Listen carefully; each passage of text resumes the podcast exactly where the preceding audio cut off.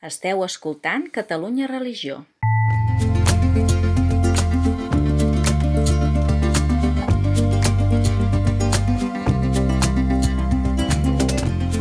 Converses en la frontera, un podcast de Gabriel Jaraba i Xavier Morlans.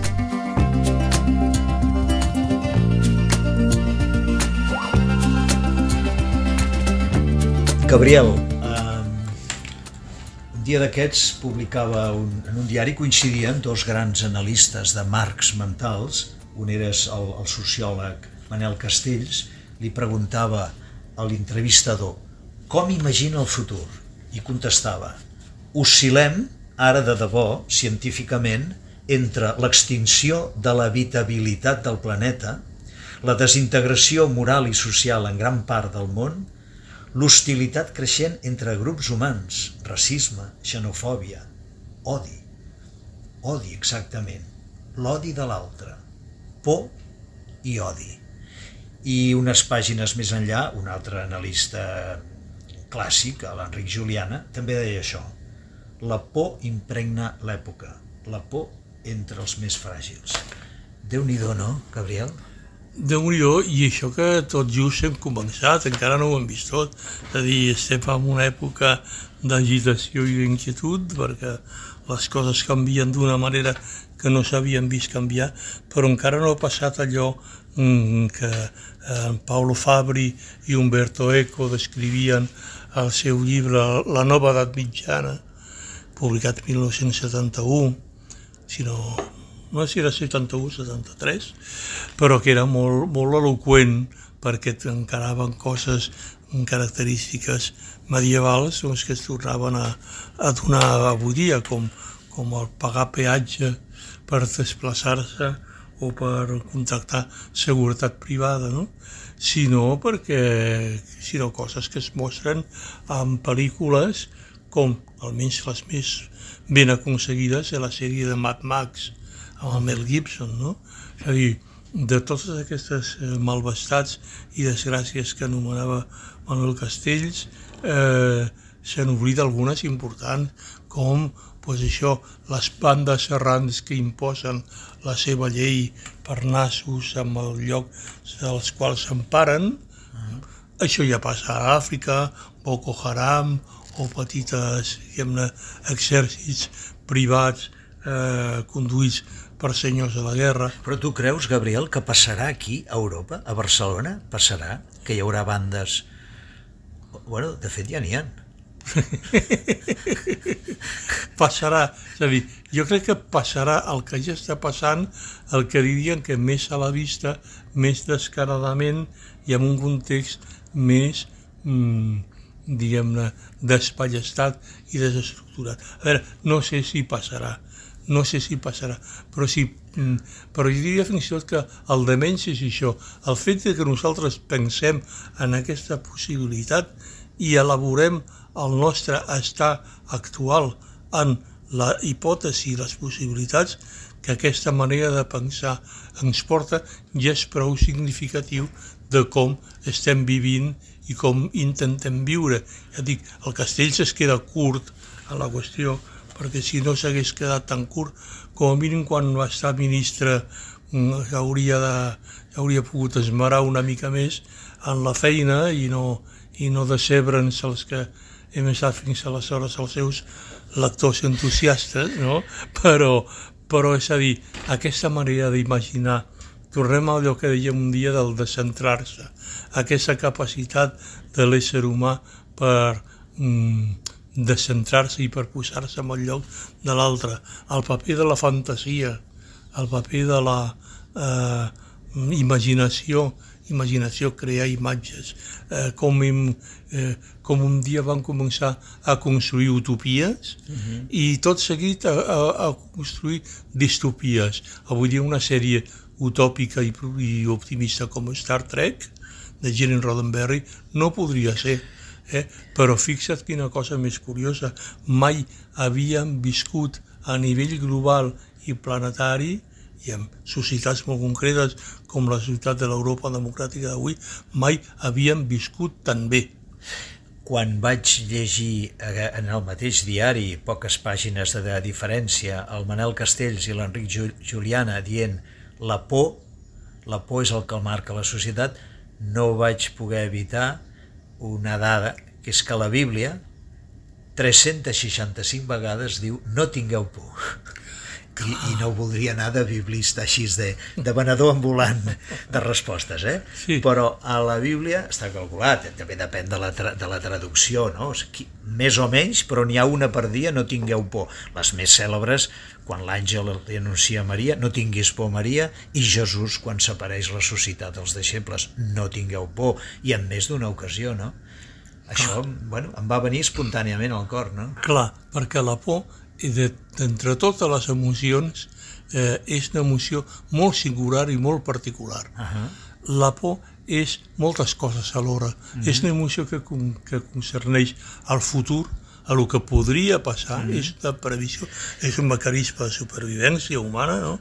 però al mateix temps és una emoció que se sabe ara i aquí, en el present, i que t'agafa, eh, s'empara de tu, et paralitza i condiciona i perverteix qualsevol esforç de, de, de claredat que puguis fer-hi, no? I succeeix en l'interior de cada un.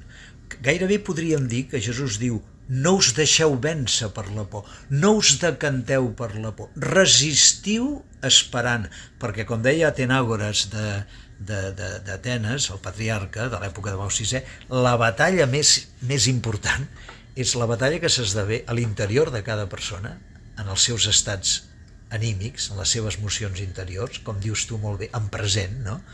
I per tant, la, la por la podem vèncer, la podem combatre, si més no. No la podem fer desaparèixer, però podem no quedar dominats per la por. És a dir, puc dir, Xavier, tens por, però jo tot no sóc por. Gabriel, tens por, però tu no ets tot tu por. I aquí torno a insistir, i és també una mica la nostra missió, la fe, la confiança, les, la religió de la confiança, no, no de la llei i la imposició, la religió que es basa en la confiança, i en el cas del cristianisme, la confiança en un Déu que es fa proper en Jesucrist, que és capaç de ficar-se dins nostre per l'Esperit Sant, trobo que és, que és, que és fonamental, que és, que és, que és, que és fonamental com a aliada d'aquesta batalla interior que creus que, creus que podríem dir que la fe és la total absència de por? No, la fe és el saber conviure amb la por, conviure amb la por, perquè som humans, tal com som, i no hem de ser, però la fe és la capacitat que et ve donada per Déu i per tant l'has d'invocar, l'has d'esperar, és la capacitat de conviure amb la por i que sigui més forta la capacitat de confiar que no el bloqueig, la paralització que deies fa un moment de la, de la por.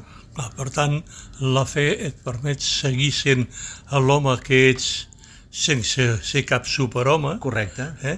I et permet alhora mantenir oberta no solament aquesta finestra a l'esperança, sinó aquesta capacitat de canvi, de transformació sí, sí. i de progrés. Per tant, és un gran antídot a la gnosi que parlàvem l'altre dia, no? Correcte. que no vol, que, que, que ens vol perfectes.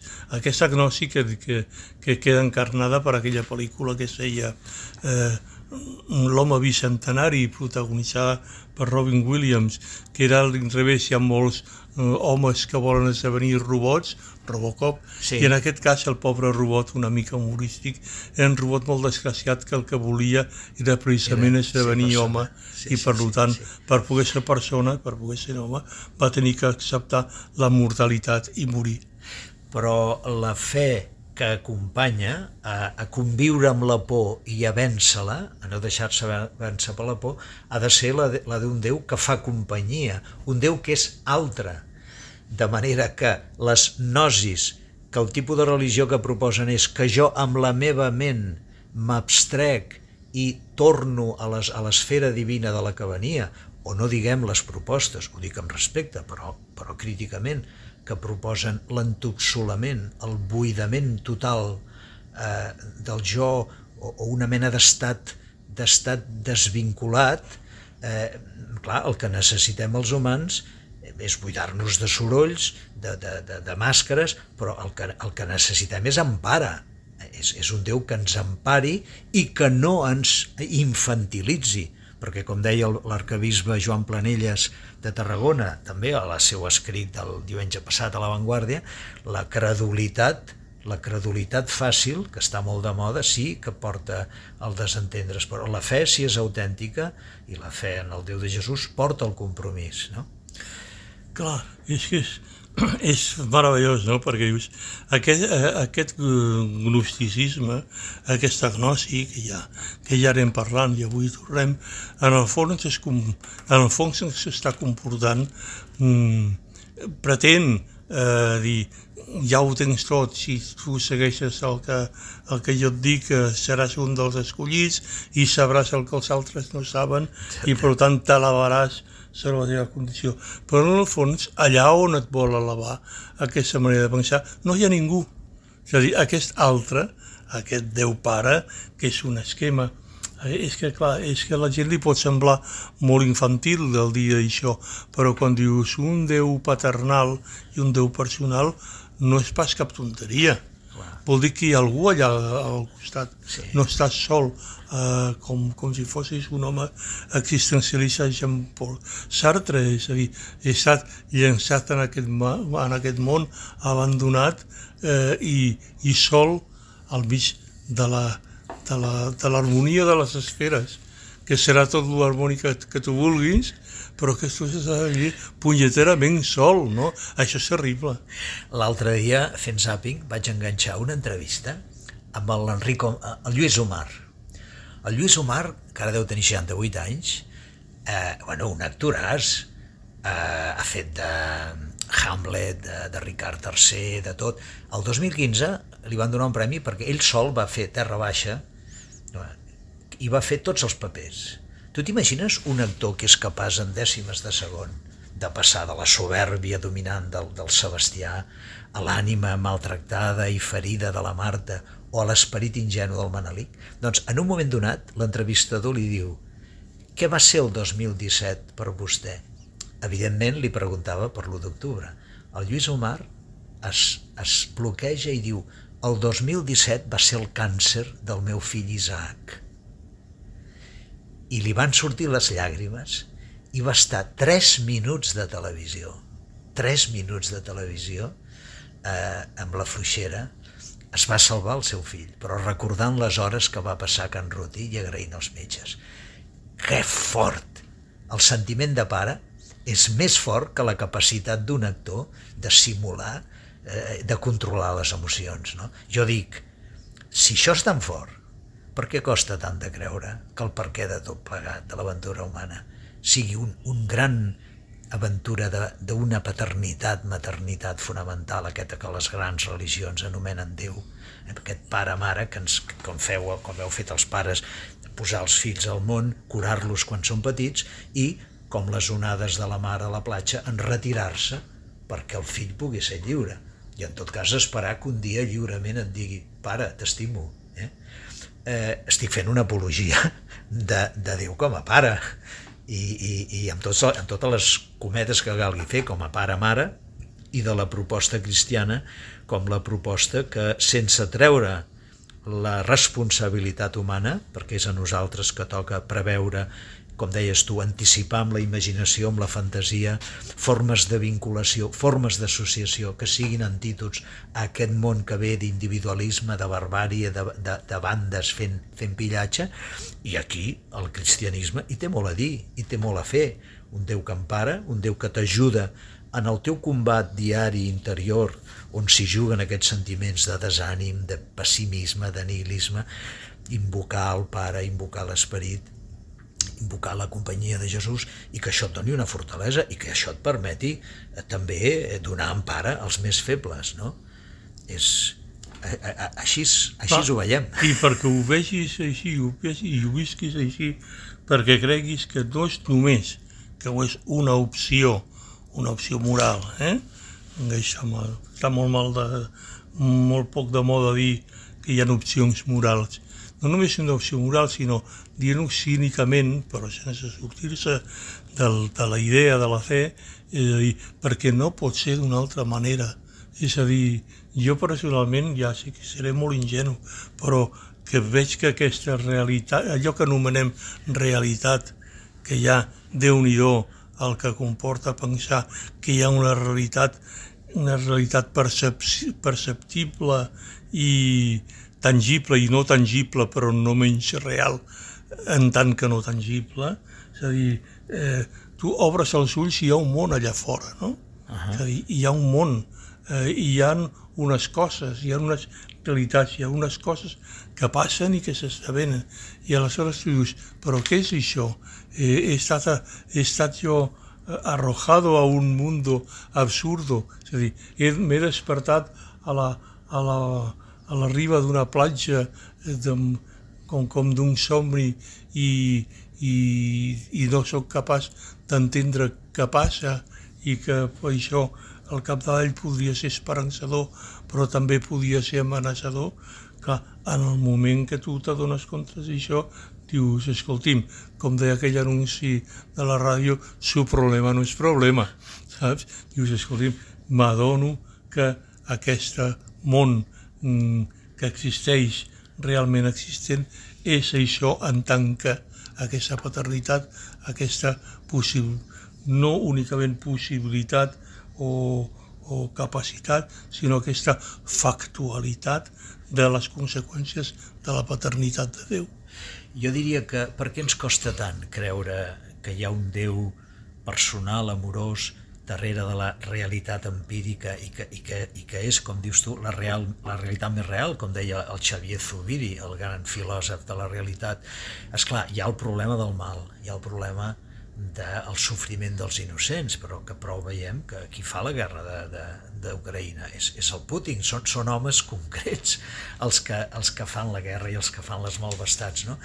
Però estem potser una mica tots plegats una mica infantilitzats, necessitem tocar-ho tot. Recordo l'Eduard Ponset, que, que en glòria estigui, que una contra de l'avantguàrdia li preguntaven eh, vostè creu en Déu? Diu, no l'he vist, no l'he vist mai i home, senyor Ponset, un, un intel·lectual com vostè té tot el dret a no creure en Déu, però el concepte de Déu és precisament que és un ésser invisible, per principi que no es veu, no? O sigui, aquest simplisme, aquest, aquest materialisme, aquest empirisme, eh, aquesta forma, diguéssim, de, tan opaca de considerar la realitat, trobo que, que ens afecta molt a tots. I, i cal tenir uns ulls capaços d'admirar-se d'una posta de sol, uns ulls capaços d'entendrir-se de, veient el somriure d'un infant, aquesta capacitat simbòlica, simbòlica, no? perquè símbol eh, vol dir que és la realitat visible o tangible, eh, valor, sin, que es vol ajuntar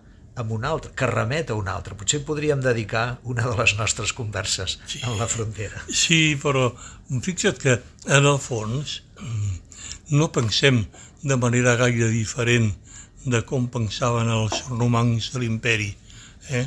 El cavall que volem nosaltres és jalar bé, divertir-nos, sí. eh, anar de gresca, que les coses estiguin com han d'estar i que no s'emprenyin gaire. Pa i circ. Sí, però a tots els nivells de la societat, i tu fixa't que agafant l'actualitat la, a cada dia, allò que la gent està desenvolupant allò que diem civilització és la reproducció en totes les seves formes de les dosis convenients i acceptables i desitjables de país circ a tots els nivells i en totes les condicions i ahir si aquestes coses canvien. Així és com els imperis s'enfonsen eh, i així és com aquest s'enfonsarà igual que es va enfonsar, enfonsar l'altre, no? El que passa aquí és que eh, tota la història de l'art, sobretot del que en diem art, no, és només, que no només arts plàstiques, vull dir la literatura, el teatre, mm, tot allò que diem arts en general, eh, és un esforç titànic de construcció d'aquesta capacitat d'imaginació d'una vida diferent. Exacte. No només anar més enllà del, de l'utilitarisme d'aquest de dir paisir, sinó, sinó d'aproximar-nos en aquesta possibilitat realment divina de dir, escolta, el món en el qual estem vivint no solament podria ser una cosa tremenda, sinó que ja ho és, obre els ulls i mira. Per tant, podríem concloure la conversa d'avui dient contra la por, l'art, l'art que comença per l'interior, de veure, de creure que hi ha més realitat que la por, eh, és una lluita interna, com hem dit, psicològica, és una lluita en què la fe en un Déu que és amic, que és inspirador d'esperança, ajuda, si el convoques, si l'invoques, com a company de lluita en aquesta lluita interior, això seria la pregària, no? Contra la por, eh, l'art de pregar, l'art de desenvolupar una vida interior i contra la por l'art d'imaginar formes d'associar-nos, formes de vincular-nos, formes de resistir contra aquest individualisme, aquesta hostilitat entre grups que ens recordaven els professors Castells i el periodista Juliana al, al començar. Sí, i mira allò que estàvem dient de la nova edat mitjana, eh, mm. que ho llegíem esgarrifats, ui, podria tornar a passar això. Va haver-hi una època a la nostra civilització que eh, aquest contra la por es va fer realitat i es va actuar així i una societat sencera va actuar d'aquesta manera i en va reeixir i era l'edat mitjana ah. i això i aquest artefacte mm, per generar esperança per donar sortida i oportunitat a que es manifestés la llum i a que s'esborrés la por dels cors se'n deia catedrals sabem què és que sabem, ens imaginem que és que societats senceres amb tots els problemes que teníem, problemes d'alimentació, problemes de violència, problemes socials que, amb els quals els problemes actuals no tenen cap mena de comparació ni d'equiparació, eh, aquelles societats eren capaces d'aplegar-se, reunir-se i fer l'esforç col·lectiu de construir un artefacte que fos capaç de donar testimoni i via cap a la llum i això se'n deien una cosa tan material i tan carnal com a edificis i d'això se'n deien catedrals. Ostres, ostres, ostres. Déu-n'hi-do. Molt bona aquest link, Gabriel. Quines serien les catedrals d'avui? Les ex experiència. Bueno, tenim la Sagrada Família com a gran catedral que estàs allà dintre i tens la sensació realment de, de, de plenitud, de mirar amunt, no? Però quins, quins serien els artefactes eh, personals, literaris, testimonials, eh, comunitaris, eh, performatius, que poguessin fer l'equivalent d'això que has descrit també, del que va ser capaç d'injectar esperança en el cor de l'home medieval, quines, quines catedrals és urgent que construïm entre tots en aquest primer terç del segle XXI? És molt difícil de percebre perquè el problema de les catedrals és la, de la construcció de la catedral és la intenció, és voler fer-ho, sabia fer-ho. Hi havia un home mm, que anava pel, pel camí mm, i, i es troba amb un picapedrer allà amb una pedra eh, i va picant eh, diu, què està fent vostè aquí? Oh, estic intentant guanyar-me el pa de cada dia picant aquesta pedra a veure si l'aconsegueixo vendre. Ah, molt bé, molt bé. I segueix el caminant i troba un altre, un altre senyor que també estava picant una pedra, fent una. Què fa vostè aquí? Oh, miri, jo sóc paleta i ara, doncs, aquesta pedra, si la treballo bé, doncs en farem aquí una cosa que servirà per a un edifici, etc i fer habitatges per a la gent i tot això, i està molt bé.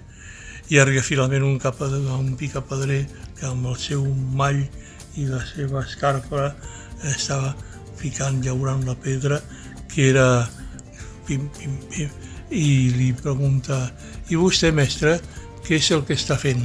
Diu, estic construint una catedral. Diu, ah, era la intenció, el que, el que, intenció i consciència, i això aquí és un discerniment que encara, encara ens costa. Eh?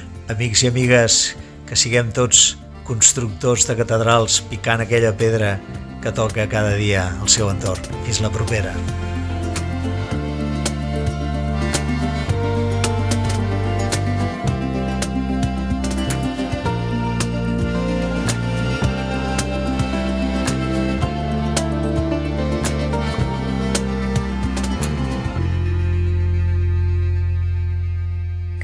religió.